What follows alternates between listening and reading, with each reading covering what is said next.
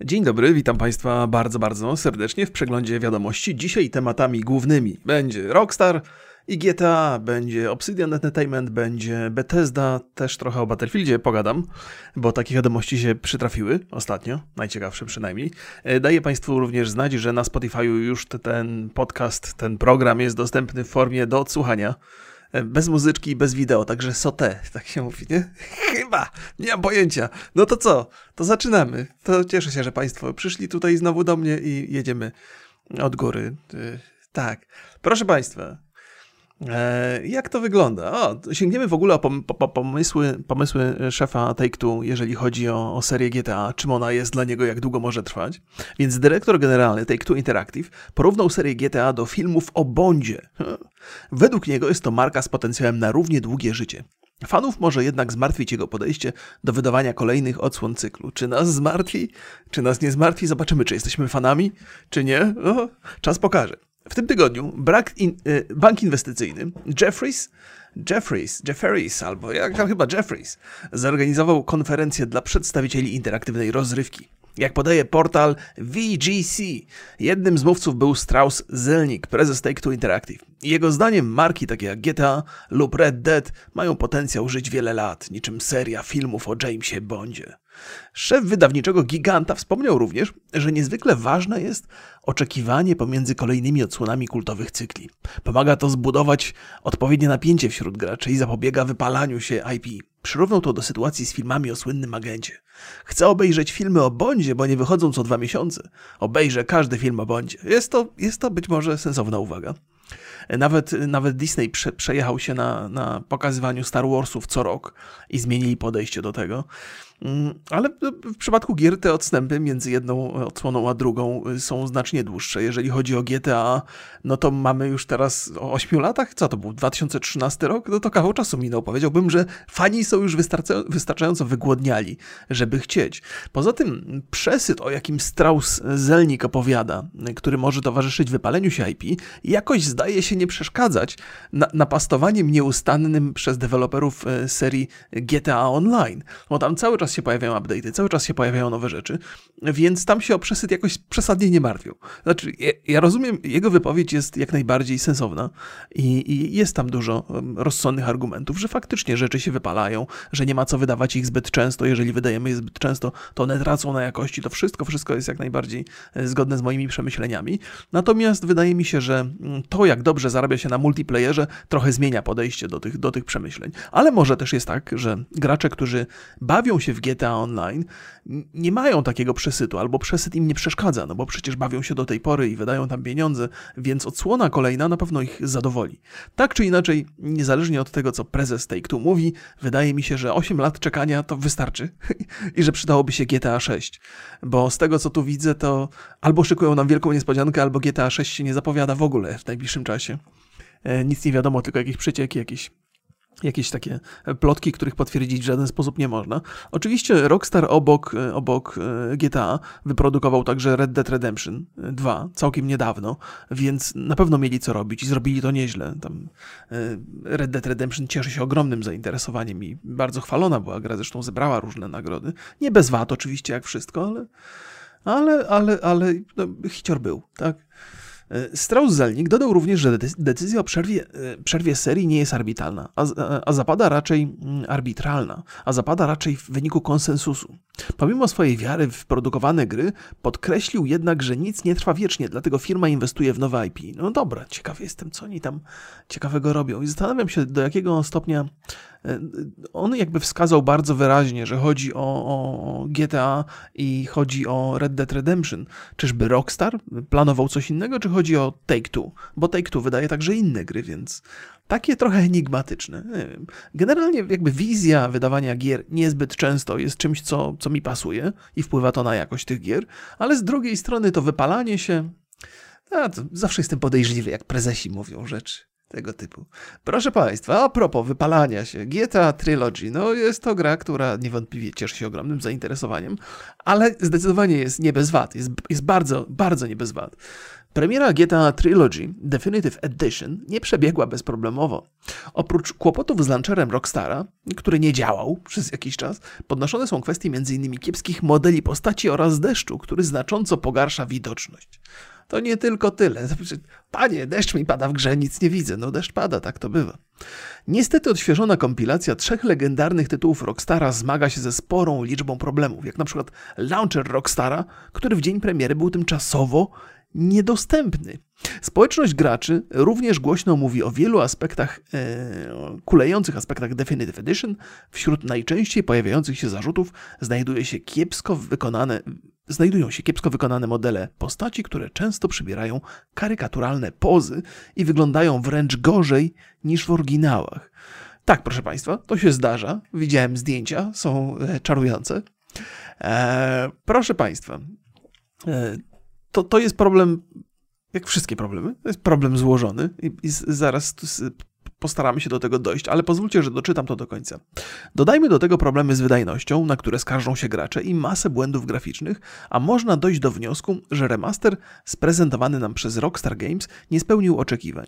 Jeśli gracze twierdzą, że pod technicznym względem lepsze są produkcje sprzed prawie 20 lat, to wiedz, że coś poszło nie tak. To, proszę Państwa, to jest też tak, że mm, po pierwsze, ja nie jestem fanem remasterów. Uważam, że to jest chodzenie na łatwiznę i oczywiście to jest na pewno skomplikowane zagadnienie. To nie jest, y, to, to, to, tego się nie robi od tak, strykając palcami. Trzeba trochę nad tym popracować.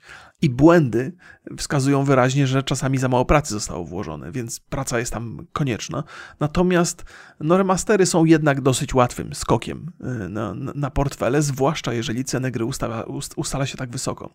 Teraz warto byłoby sięgnąć trochę głębiej i zobaczyć, kto to robił, ten, ten remaster, bo nie robił to Rockstar. To nie jest tak, że remaster sprezentowany nam przez Rockstar Games. Nie, nie, nie, nie, nie, nie, nie, nie, nie, nie. Proszę Państwa, w tej branży to jest tak, że są specjalne firmy, które zajmują się bardzo często przenoszeniem gier na, na inne konsole albo robieniem remasterów i tym razem też z czymś takim mamy do czynienia. Firma, która robiła remaster nazywa się Groove Street Games. I to są ludzie, którzy dodatkowo nie mają wielkich doświadczeń, jeżeli chodzi o robienie gier na PC i na konsole. Coś tam mają, ale niewiele. Oni przede wszystkim przenoszą te gry, Rockstara, ale nie tylko, na platformy mobilne. E, czyli zrobili to, to zrobili Bully na przykład od Rockstara wcześniej, zrobili Ark Survival Evolved, także na iOS-a i na Androida. Co tutaj jest wcześniej? Aura Lux, nie mam zielonego pojęcia. Grand Theft Auto Chinatown Wars, Grand Theft Auto San Andreas, e, jakieś inne Grand Theft Auto, Maxa Payne'a na iOS-a. Więc to jest firma, która blisko współpracuje z Rockstarem, ale nie jest to Rockstar. E, I to ich dokonanie obecne dotyczące trylogii też jest właściwie takim jednym z, jedną z pierwszych prób przeniesienia e, gry takiej kultowej, pecetowej na peceta w lepszej, w nowszej formie. Ja zawsze będę zdecydowanie bardziej wolał remastery i, i, i nie remastery, tylko remake'i. I wiem, że one praktycznie wymagają 100% no, nowych nakładów. Nie da się praktycznie korzystać ze starych rzeczy, chociaż może się da. E, no więc ja tak y, staram się życzyć y, wszystkim dobrze. Jakiekolwiek projekty podejmują firmy, to niech one okazują się sukcesami, niech, niech są dobre, niech gracze są zadowoleni. Natomiast jak się komuś y, powinie noga podczas robienia remastera, to moje współczucie jest bardzo mocno ograniczone, bo, bo to już taki jest łatwy pomysł. Zróbmy, zróbmy to, co było, dorzucimy tam trochę e, tekstur wyższej rozdzielczości, może poprawimy modele, może niekoniecznie i się sprzeda. No najwyraźniej się sprzedaje, ale no trzeba to zrobić już wtedy od początku do końca dobrze. A tutaj są, są jakieś tam problemy, są kontrowersje i, i tym bardziej to potwierdza myśl, że skoro mamy do czynienia z grą tak znaczącą, tak ważną dla wielu osób, to może lepiej zrobić remake, a nie remaster.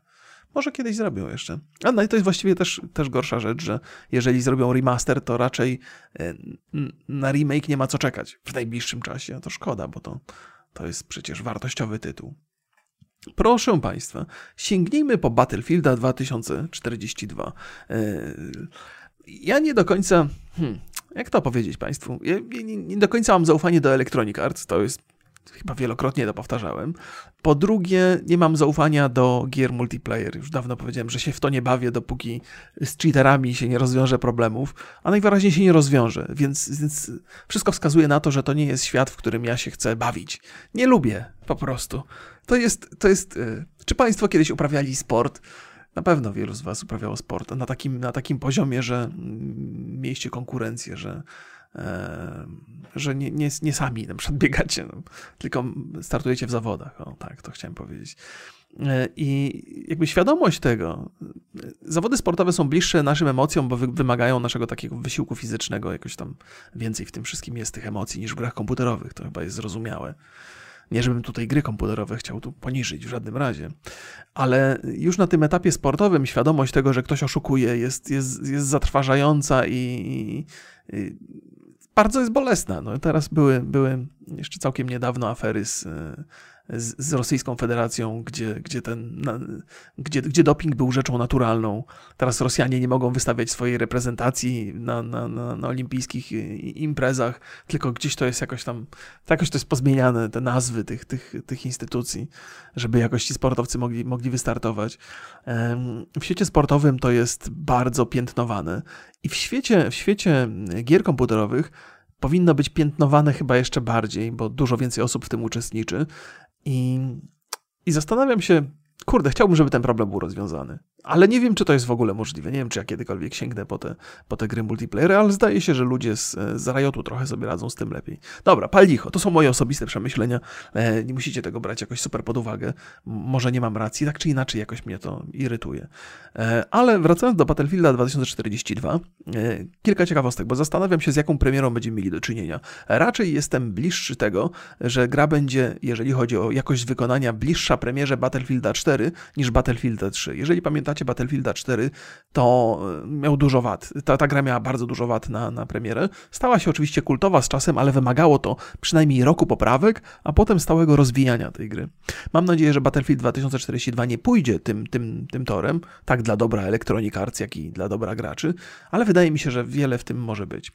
W sieci pojawiły się pierwsze recenzje Battlefielda 2042, e, który swoją oficjalną premierę będzie miał już 19 listopada. Gra oceniana jest bardzo pozytywnie, a tym, co przykuło szczególną uwagę recenzentów, jest jeden e, z wprowadzonych trybów multiplayer, Portal, oraz spory postęp pod względem pojemności map. Z kolei największe kontrowersje w tegorocznej odsłonie gry wzbudza brak trybu dla jednego gracza. I widzę recenzje i one są bardzo, bardzo, e, są bar, no, bardzo, są z reguły pozytywne, z wyjątkiem takiego serwisu, który się nazywa Stevior, który dał 4,5 na 10 to jest, odbiega trochę, bo tam wszystkie pozostałe są w okolicach 8 na 10, Hardcore Gamer 7 na 10, e, ale większość tam bardzo, bardzo wysoko daje noty.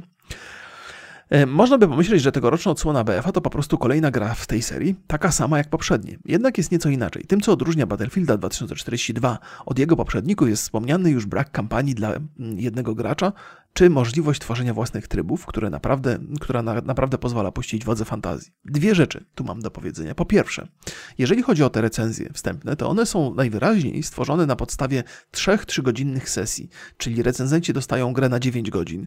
E, I to jest coś, co właściwie trudno poszerzyć ten czas, bo każdy musiałby dostać swoją kopię, wtedy byłyby przecieki i tak dalej. Elektronicy na razie to, to e, jakby zatrzymują w zamkniętym środowisku I, i ma to pewnie sens jakiś, ale te 10 godzin nawet spędzone w tej grze, to nie, nie, nie daje szans na to, by ją ocenić w sposób rzetelny. I jestem zadziwiony, że ktoś robi recenzję na, tym, na tej podstawie, zwłaszcza po wpadkach recenzji Cyberpunka 2077 bo to już powinno dziennikarzy nauczyć, że, że recenzja robiona na podstawie gry, którą w jasny i oczywisty sposób deweloper i wydawca ogranicza, jeżeli chodzi o ilość kontentu, to no, trzeba mieć poważne wątpliwości. Jest taki facet, który, właściwie jest taki kanał na YouTube, się nazywa SkillUp i on zrobił film, taki 30-minutowy na temat Battlefielda i napisał tak, że y, w tytule jest tak, jak na razie nie polecam Battlefielda 2042, e, to jest recenzja w trakcie, czyli jest jakby w to jest review in progress. Nie wiem, jak to na polski dobrze przetłumaczyć. Że jeszcze nie skończył tej recenzji, bo nie miał właściwie na, na podstaw, żeby, żeby tę recenzję skończyć. Więc e, najwyraźniej Cyberpunk niczego nas nie uczy, a może się okazać, że jednak Battlefield jest cudowny i ci, ci, ci, ci recenzenci mają tutaj rację, dając wysokie noty na podstawie 10 godzin grania. Ale historia nas uczy, że warto mieć wątpliwości i że z reguły bywa, bywa zupełnie inaczej niż te pierwsze recenzje. Nie? To jest pierwsza rzecz. E, druga rzecz, o której chciałem powiedzieć, to ten tryb, który pozwala graczom projektować, właściwie tryby, o tak, E, czyli taki kreatywny, to jest moim zdaniem wyśmienity pomysł. Niezależnie od tego, co, co myślę o elektronikach, to dobrze wiemy, że najlepsze tryby i najlepsze gry, które dzisiaj na rynku rządzą, zostały wymyślone przez graczy, którzy dostali możliwość edytowania trochę oryginalnego tego rdzenia rozgrywki. Tak było chociażby z, z, z dotami, tak było, no wiele jest takich rzeczy. Counter-Strike też taki przecież był też powstał, powstał na podstawie e, Half-Life'a, który był modyfikowany przez moderów. Więc za każdym razem, kiedy się daje graczom e, jakby takiego możliwość kreatywnego udziału e, w procesie tworzenia jakichś trybów, to jest szansa, że zostanie coś zbudowane fajnego, co pozostanie z nami na dłużej. Więc tu jest duży plus. Natomiast, no okej, okay, to, to zamknijmy te dwie sprawy. Przejdźmy jeszcze troszkę dalej. Jeśli chodzi o rozgrywkę wieloosobową, tym razem gracze będą mogli bawić się w trzech osobnych modułach: All Out Warfare, Portal oraz Hazard Zone. Pierwszy z nich to, można by powiedzieć, zwykły multiplayerowy BF, chociaż to raczej duże uproszczenie. W Battlefieldzie 2042 jednocześnie na polu bitwy będzie mogło znajdować się aż 128 graczy, co ma także wpływ na rozmiar map. W tej odsłonie serii są one ogromne. Portal z kolei to wariant, który przywraca mapy klasy, który przywraca mapy, klasy oraz systemy rozgrywki z poprzednich odsłon serii. Trudno nie odnieść wrażenia, że jest on czymś w rodzaju ukłonu w stronę wieloletnich fanów cyklu. Zupełnie inaczej postrzegany jest tryb Hazard Zone, który w recenzentach wzbudził raczej mieszane uczucia. Przypomina on Escape from Tarkov. No, okej. Okay. Podsumowując dostępne w sieci recenzje, można stwierdzić, że tegoroczny Battlefield to nie ten sam odgrzewany po raz setny kotlet, a raczej pobyt świeżości w serii. Jednak należy pamiętać, że są to tylko wrażenia po pierwszych kilku godzinach gry. To właśnie, to jest coś, co powinno być na początku tego artykułu. To jest tylko, tylko kilka godzin gry. Zgadzam się z tym, że to może być odświeżająca odsłona, że to nie musi być odgrzewany kotlet i bardzo dobrze. Cieszę się, że Battlefield taki, w, takiej, w takiej surowej postaci trafia do nas, czyli bez trybu single player, który ostatnio chyba tracił na jakości. Mm, w zasadzie tak naprawdę dobra kampania w Battlefieldzie to się przytrafiła w, w Bad Company 2. Nawet polska wersja językowa była tam świetnie, świetnie zrealizowana. E, a od tego czasu te, te kampanie były takie, no niby były, ale te w ogóle te kampanie w grach DICE i w Star Warsach też były jakieś, nie, nie, były jakoś przesadnie ciekawe, więc może warto to odpuścić i skupić się na, na multiplayerze. Pod warunkiem, że ten multiplayer zostanie dobrze zrobiony. A swoją drogą, a propos, przecież premierę z y, Vanguard miał, czyli Call of Duty i tam jest ten, ten, ta kampania single player. Totalnie mi to umknęło, nie wiem jak to się stało. Nie grałem jeszcze, więc najwyższa pora po to sięgnąć i zagrać. No, no i tyle, no i tyle, no i tyle. Mam nadzieję, trzymam kciuki za Battlefielda, chociaż raczej nie zamierzam grać. Jak powiedziałem, z powodu trochę cheaterów i może z powodu tego, że robię się starszy szybciej niż bym chciał, a, a, a takich graczy jak ja to szybciej ubywa na serwerach niż przybywa. Przybywa młodych, sprawnych, zręcznych i z niesamowitym refleksem. Ja się czuję tam jak, jak taki stojak do bicia. no to żadna jest frajda, nie? Powinna, wydaje mi się, że serwery powinny być dzielone na kategorie wiekowe, ale jak to sprawdzać, nie? Taki 40 plus.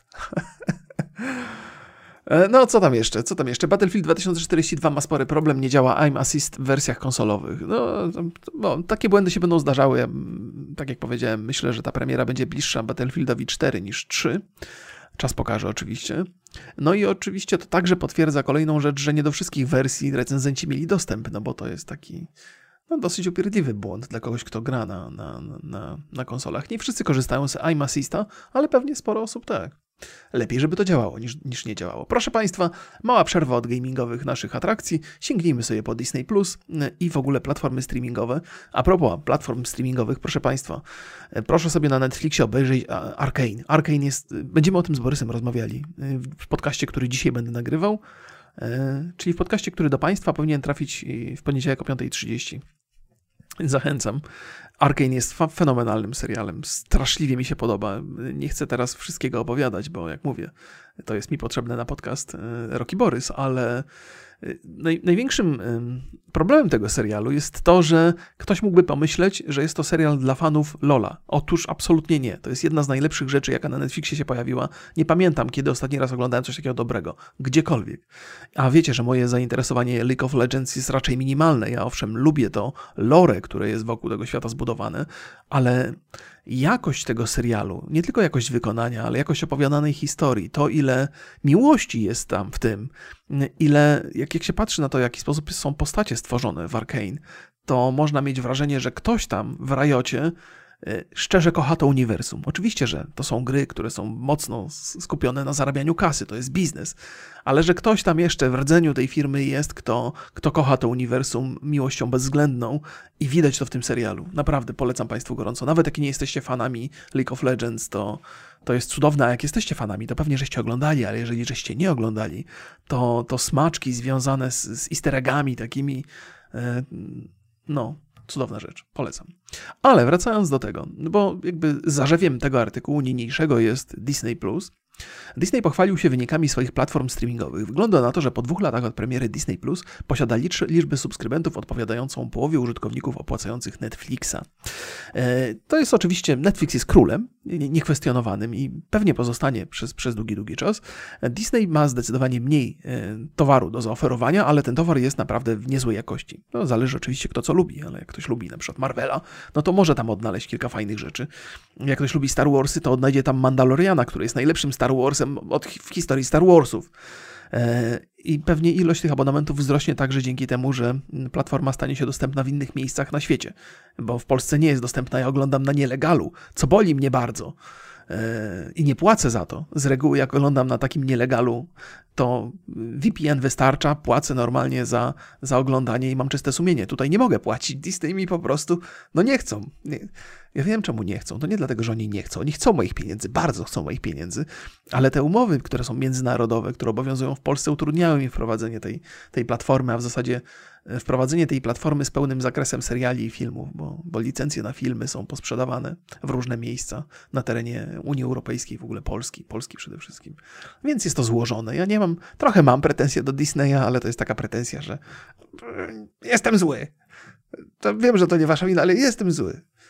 Wolałbym, wolałbym to mieć, wolałbym mieć to na legalu i płacić normalnie abonament, bo jest warto, warto jest za to płacić, ale Czytajmy sobie dalej. W listopadzie 2019 roku wraz z premierą pierwszego sezonu Mandaloriana światło dzienne ujrzała platforma streamingowa Disney+. Szybko zaczęła zdobywać popularność i stała się poważnym konkurentem dla dominującego Netflixa. W zeszłym roku o tej porze usługa Disneya miała ponad 73 miliony subskrybentów. Według ujawnionego wczoraj raportu finansowego od tego czasu ich liczba wzrosła o około 60% do 118,1 miliona abonamentów. Proszę Państwa, to jest niezły wynik. Niezły wynik, zważywszy na to, jak niewiele treści tam jest w porównaniu do takiego Netflixa. Widocznie jakość nadal się liczy.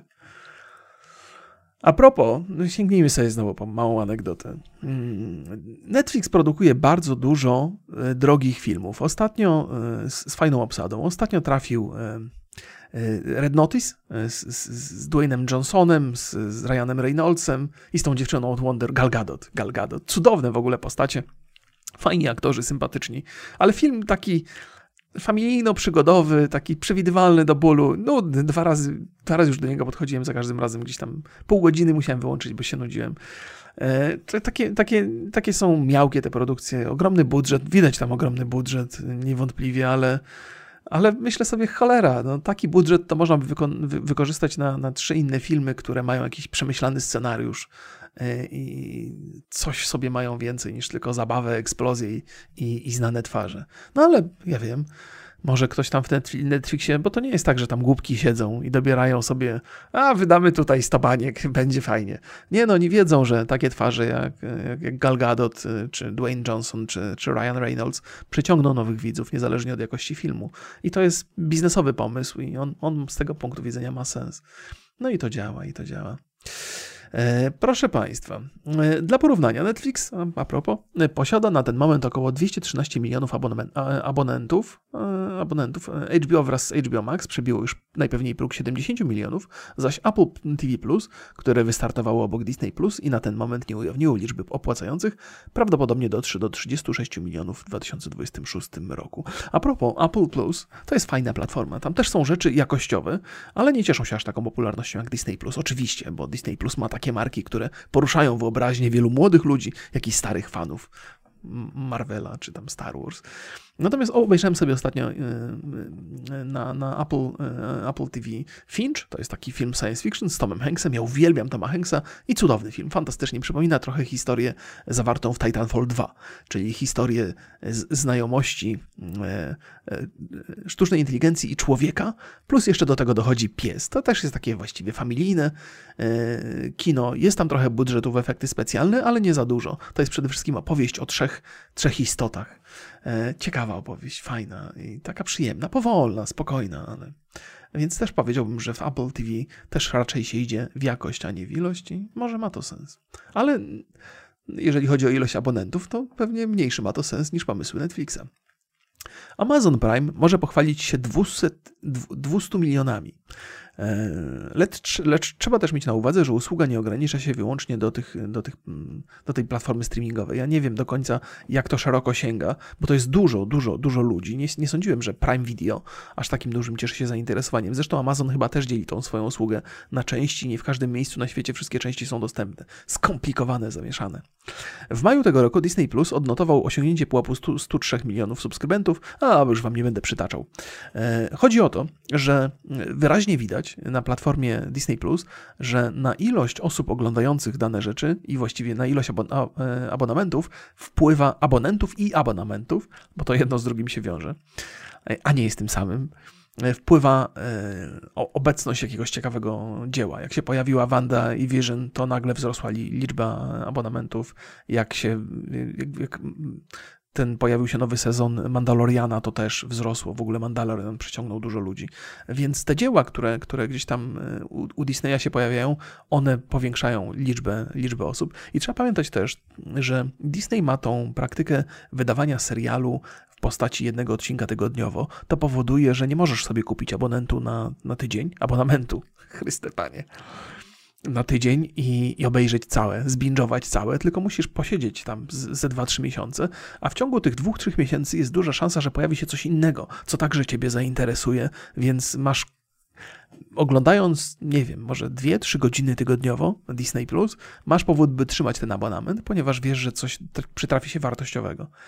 E, no i to jest być może także bardzo sensowny, e, bardzo sensowny biznesowo projekt, ale też niesie ze sobą pewne ryzyko, bo jeżeli e, przytrafi się kilka nieudanych premier, bo to przecież musi się przydarzyć prędzej czy później, no to ci ludzie nagle znikną i potem znowu ich zachęcić do, do odnowienia e, abonentu może być dosyć trudne. Ale nie niemożliwe, oczywiście, prawda? No to koniec przerwy, jeżeli chodzi o rzeczy wychodzące poza gaming. Wróćmy sobie na chwilę Forza Horizon nie przestaje zadziwiać. Liczba graczy e, przekroczyła już 6 milionów. Produkcja radzi sobie także wyśmienicie na Steamie. Ja nie wiem, e, okej, okay, cieszę się, bardzo dobrze, gratuluję sukcesu. Popieram, to jest bardzo dobrze, dobra gra. Nie bez wad, jak wszystkie w, w, momencie premiery, ale, ale bardzo dobra i przyjemna gra.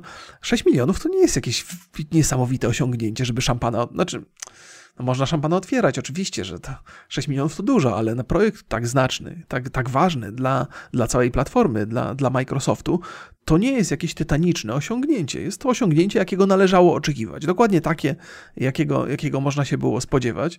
Chociaż może to tempo e, zdobywania graczy, może ilość osób, które jednocześnie siedzi przy grze, może jest w tym coś więcej, ale jak sobie przypominam mm, osiągnięcia PUBG na Steamie albo, albo yy, chociażby Counter-Strike'a, to wiemy, że, że one są znacznie wyższe, że ilość graczy w jednym momencie potrafiła przekraczać setki tysięcy.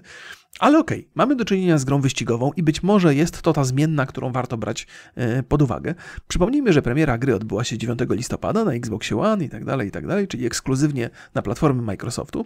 W rzeczywistości wielu graczy zaczęło już zabawę 5 listopada, gdyż wtedy ruszył wcześniejszy dostęp dla posiadaczy edycji premium. Z tej opcji skorzystało ponad 800 tysięcy osób, co jest... Pff, co jest imponującym wynikiem, biorąc pod uwagę fakt, że jest to wydanie drogie 439 zł. Kupiłem sam. Sam kupiłem, więc wiem, że jest, jest to drogie. E, no. A na Game Passie jest wystarczy odblokować Game Passa i możesz sobie jechać i sobie za, za darmożkę, więc ludzie mocno chcieli. 800 tysięcy osób było gotowe wydać taką kasę. Wszystko to pokazuje, że na premierę gry cała, czekała cała masa osób. Preorder e, Forza Horizon 5 był największym bestsellerem ubiegłego tygodnia na Steamie.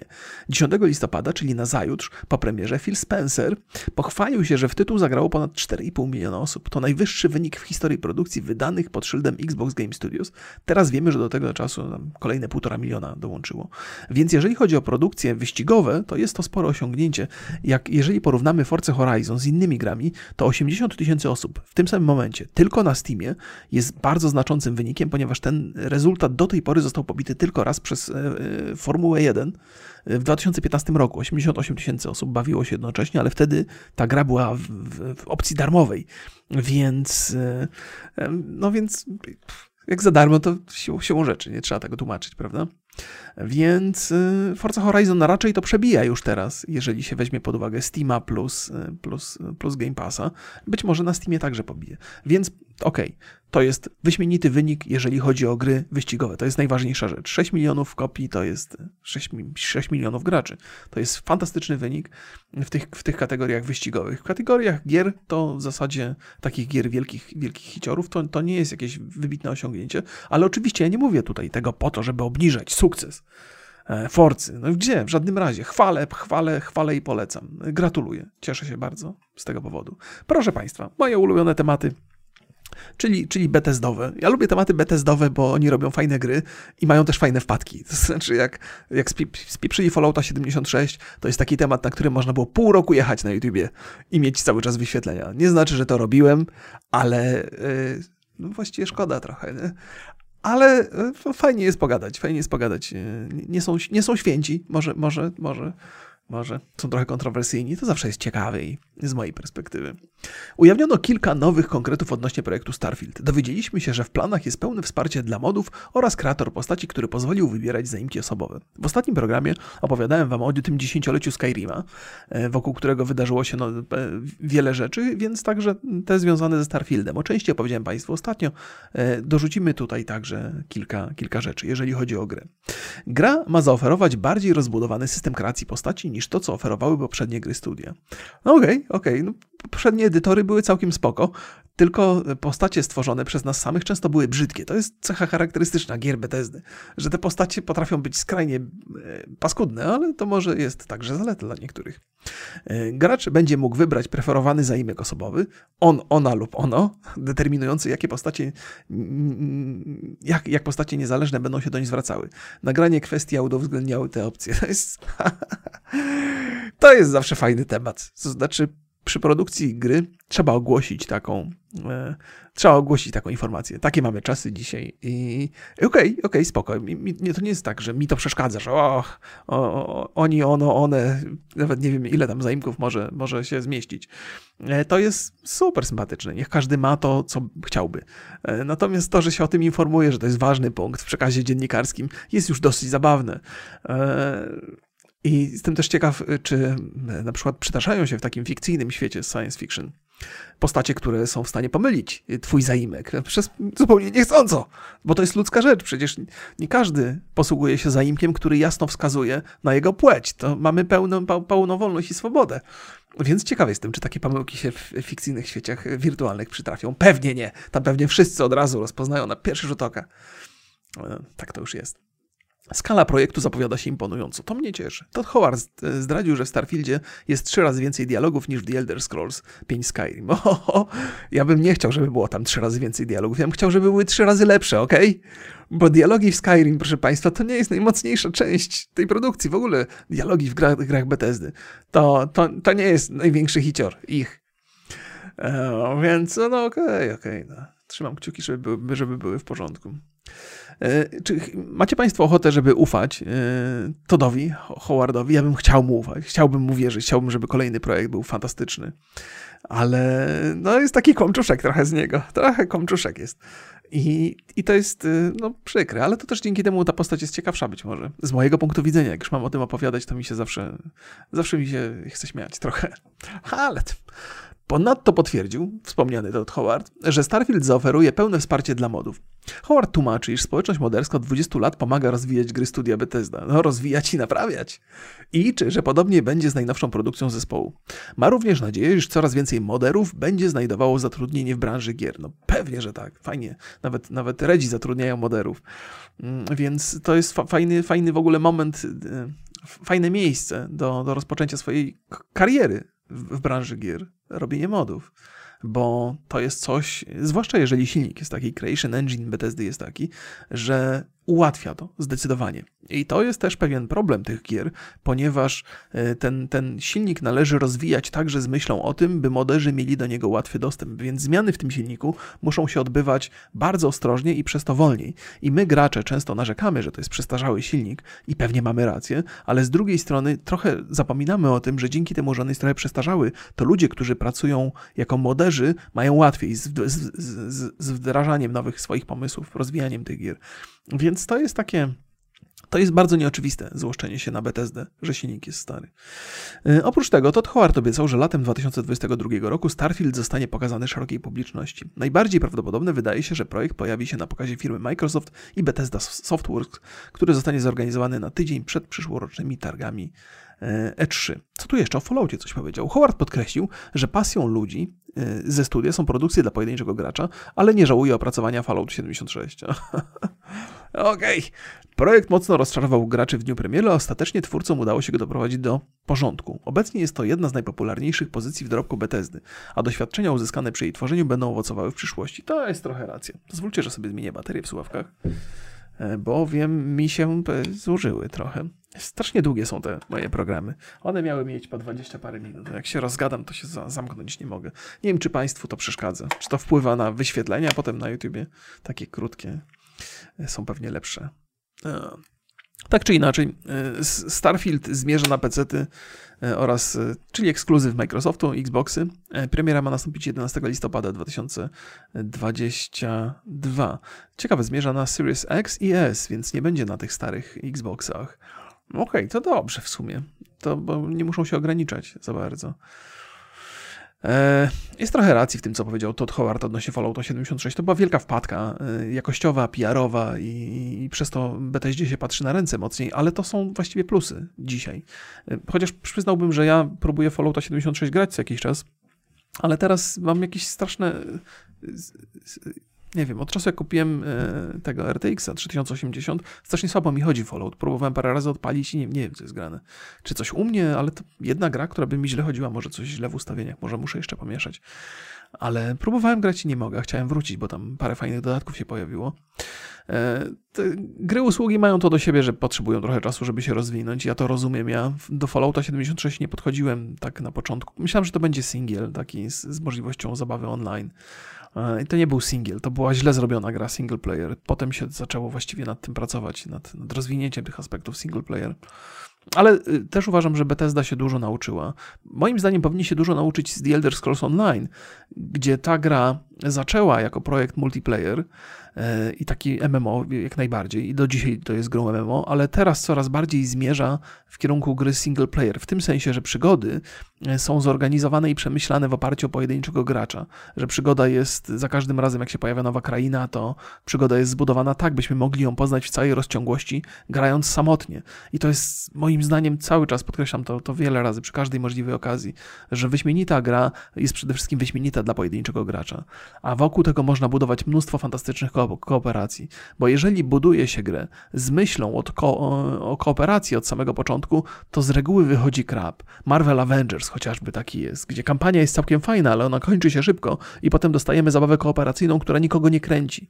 Mnóstwo asymetrycznych yy, multiplayerów, które też się skupiały na, na zabawie czterech osób, też w zasadzie nie miały w sobie treści, też nie były ciekawe. Rzadko się zdarza, żeby to było dobre. Więc y, gra dla pojedynczego gracza zawsze powinna stać na pierwszym miejscu. Jeżeli jeden człowiek się bawi świetnie, to grupa osób będzie się bawić jeszcze lepiej.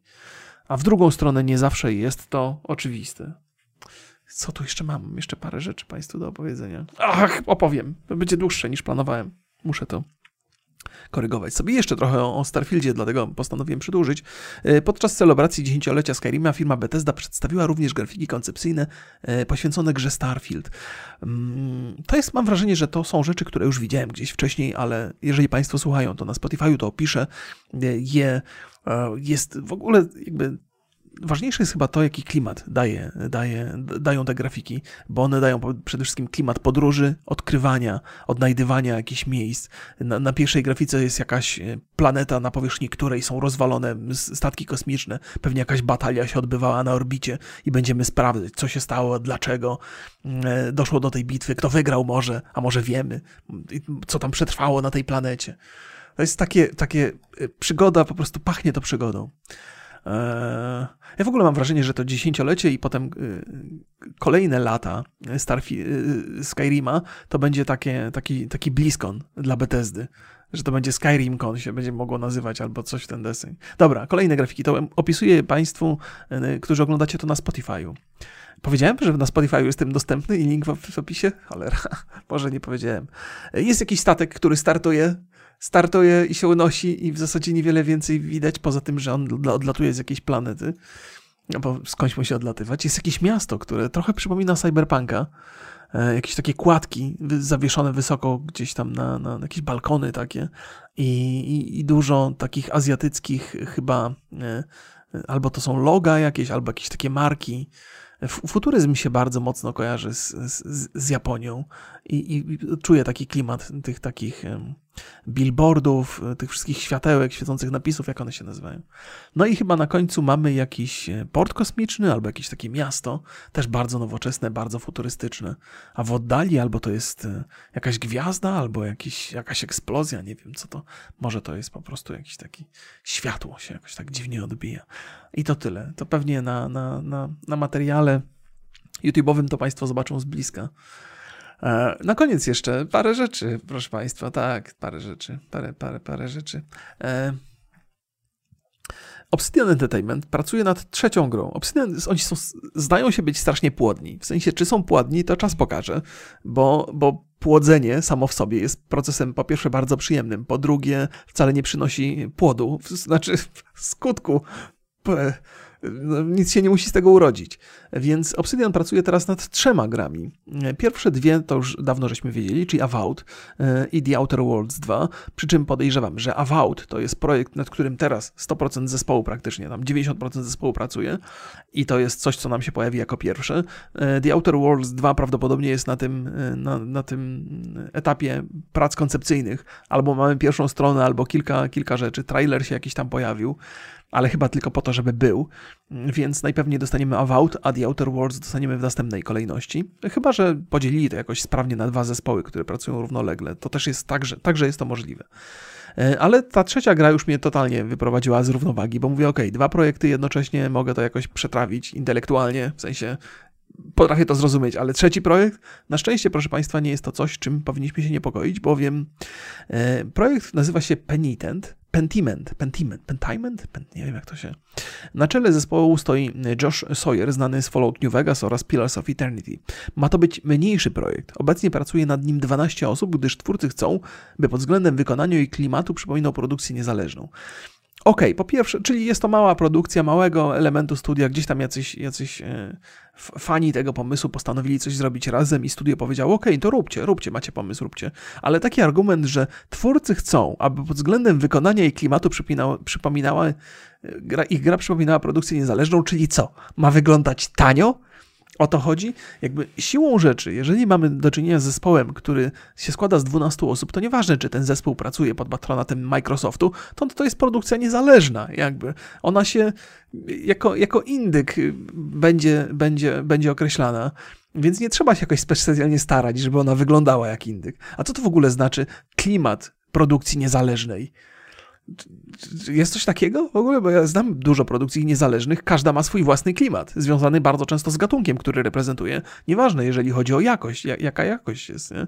Więc klimat produkcji niezależnej. To mi pachnie taniością, ale wydaje mi się, że to jest jakaś interpretacja redaktorska, dziennikarska niż, niż, zapewnienia, niż zapewnienia deweloperów. To jest taka gra, który, dla której inspiracją ma być Disco Elysium, czyli jest to wielce prawdopodobne, że będziemy mieli do czynienia z izometrycznym RPG-iem, gdzie dialog jest bardzo ważny. Może dialog będzie jedyną opcją w ogóle progresowania w, w trakcie rozgrywki. Cieszę się, że takie pomysły e, się sprawdzają i znajdują swoje, s, swoich fanów.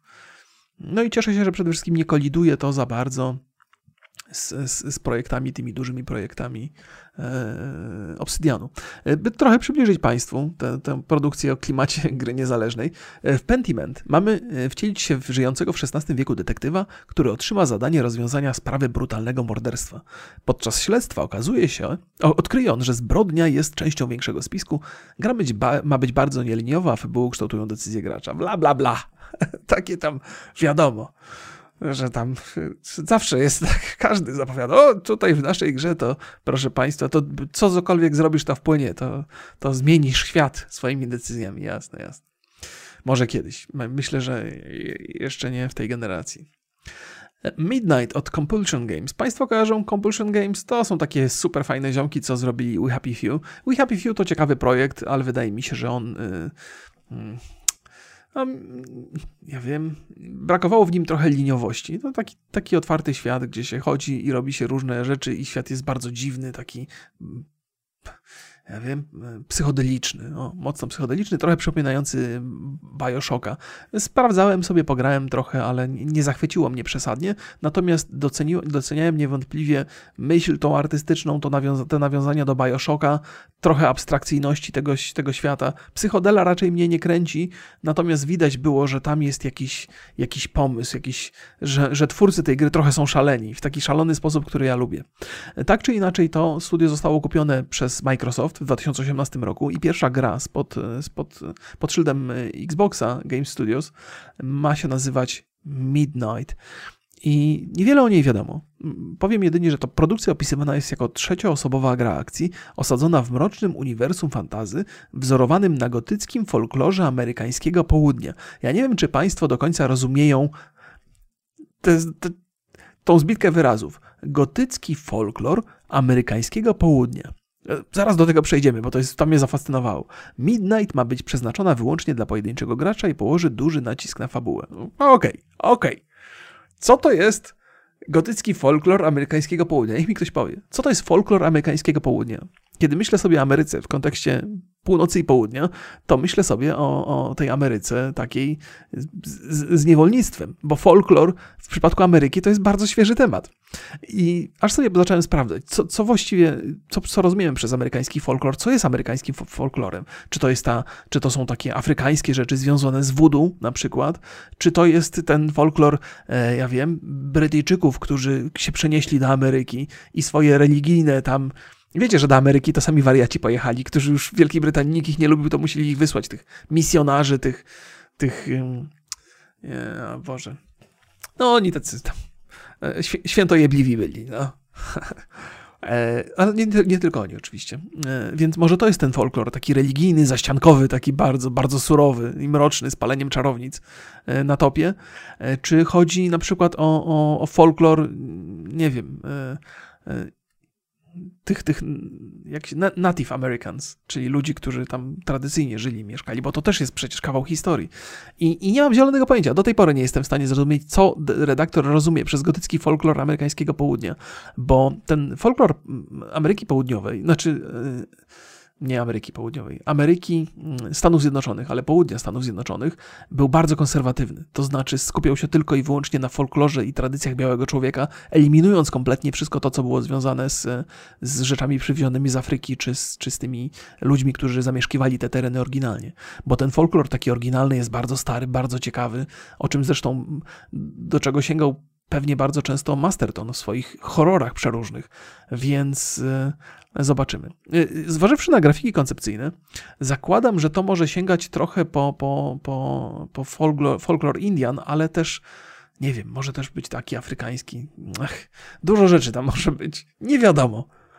gotycki folklor amerykańskiego południa. Jeżeli ktoś z Państwa chce tutaj mm, posiedzieć nad tym i się zastanowić, to, to chętnie posłucham, co też macie do powiedzenia w tej sprawie. Ale na dzisiaj już kończę. 48 minut, kurde mol. To jest, to jest wina tego, że ja siedzę przy tych podcastach tak dużo. Siedzę przy nich i potem zapominam, że niektóre programy muszą być szybsze, krótsze i prostsze. Pozdrawiam Was bardzo serdecznie, dziękuję za uwagę. Do usłyszenia, do zobaczenia.